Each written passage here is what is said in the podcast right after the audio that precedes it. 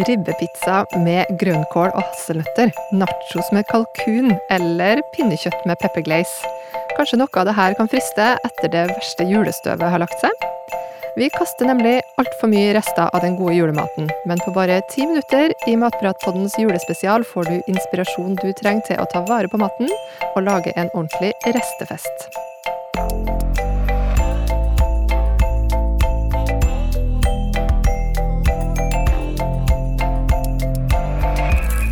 Jeg heter Lisa Ekli, og med meg i dag har jeg mateksperter Britt Malene Kaasin og Therese Elstad. Hallo. Hei, hei. Ja, I jula så blir det jo ofte mye god mat og drikke, og mange gleder seg til både ribbe og pinnekjøtt og kalkun og ja, det meste. Eh, dessverre så ender det også med at vi kaster mer mat i jula enn vi gjør ellers i året. Ja, det er jo veldig fort gjort. Eh, vi har jo ikke lyst til å lage for lite mat i jula. Nei, og vi skal jo kose oss i jula, og vi skal lage gode julemiddager, kanskje lunsjer, frokoster, vi får kanskje besøk. Eh, så det kan jo være lett å handle inn godt med mat, som gjør at det blir enda litt lettere å kaste mer når man har mer hjemme. Ja. Og hva skal vi gjøre for å ta vare på restene da, Therese? Det første som kan være lurt, er å ta kontroll over kjøleskapet sitt. Um, rydd i det, og få litt oversikt over hva du har. Uh, sett gjerne gamle varer, eller varer som holder på å gå ut på dato, fremst i kjøleskapet, sånn at du har det lett tilgjengelig. Mm. Uh, og selvfølgelig ikke kjøp dobbelt opp, så når du rydder i kjøleskapet, så får du en litt sånn god oversikt over hva du har. Og da trenger du jo ikke å stå i butikken og lure på har jeg det, eller har jeg det ikke. Um, så ta en ekstra titt før du eh, går ut og handler. Ja, det er et kjempegodt tips, for da har du også en plass å ha rester. Eh, for det er jo ikke noe problem om, om, eh, å få rester av mat hvis man har et sted å oppbevare det. I tillegg til at man vet hvordan man skal oppbevare det. Så det å ha litt kontroll Jeg er så glad når det begynner å bli kaldt ute, for da har jeg en veranda å sette ting ut på. Bor i et lite bykjøkken med bitte lite kjøleskap og fryser. Eh, I tillegg til eh, det å få noen sånne gode rutiner i jula, da. Eh, hvis du har mat, og husker på å liksom prøve å sette det kaldt så fort som mulig, sånn at det holder seg lenger i kjøleskapet også. Eh, du kan jo også tenke litt på når du har frokoster, for eksempel, eller lunsjer, hvor det er vanlig å sette ut mat på et stort bord. Eh, at du kanskje heller bare fyller på litt underveis, sånn at pålegget mest mulig ligger kaldt lengst mulig, at du ikke har mat unødvendig ute, da, som også er med på å redusere holdbarheten. Så det er alle de der små tingene du kan gjøre hele tiden for å ha mat som varer lenger.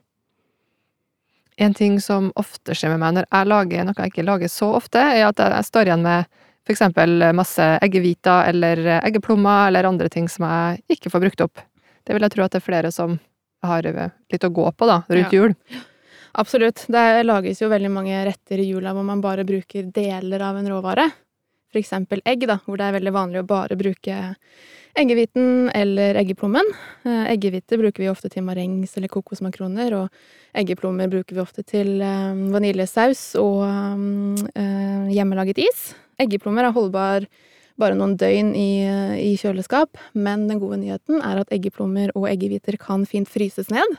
Enten sammen eller separat. Hvis du skal fryse den ned sammen, så må du gjerne piske den før du fryser den. Ja. Mm. Det, men et lite sånn, når man skal drive og ta vare på mat, ha en plan.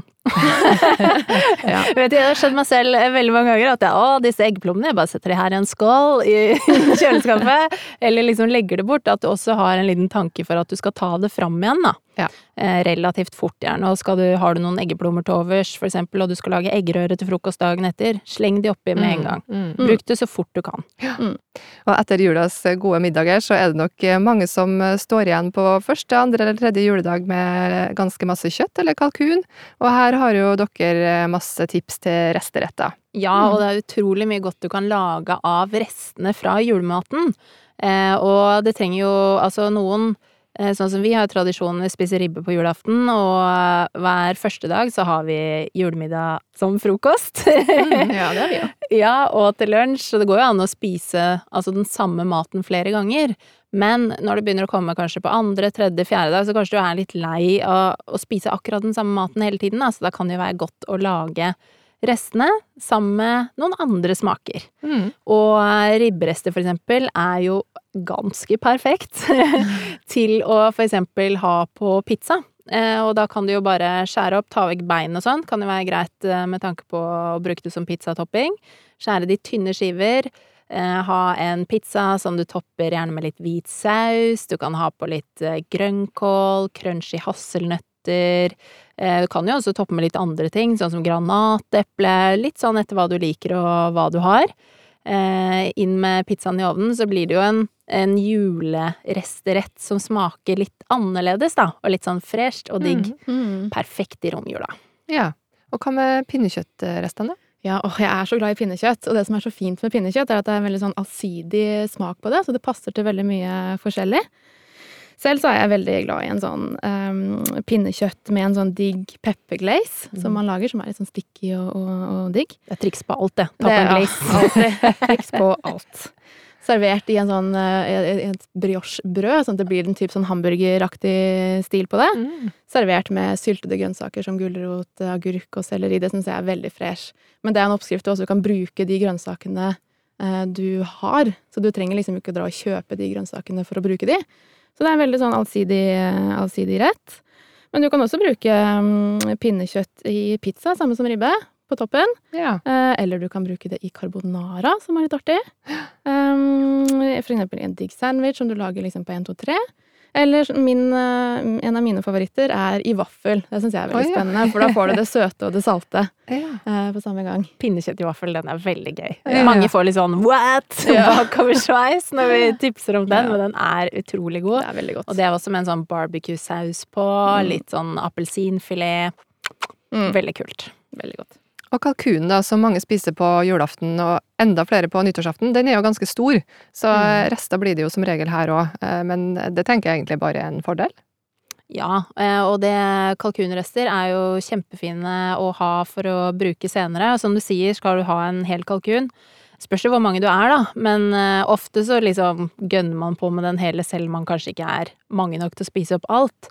Så får man jo fort eh, rester. Det er jo magert, eh, fint kjøtt som er fint å bruke Det blir jo på nyåret, da, for mange, hvis det er eh, nyttårsaften. ja. Eh, og det å for eksempel steke det opp med litt sånn gode tacokrydder og ha det i en nachos, er jo ganske digg, syns jeg i hvert fall. Mm. Som blir litt sånn digg etter nyttårsaften, litt sånn sliten første Ha en god nachos for lur da. Mm. Eh, Du kan jo altså ha det, bare rive det opp i små biter, og ha det som fyll i sandwich, i en wrap for eksempel. Eller om du har lyst til å lage en god salat. Eh, Og noen noen reagerer ikke på det, mens andre liker ikke, er ikke så glad i å varme opp rester av kalkun, for eksempel.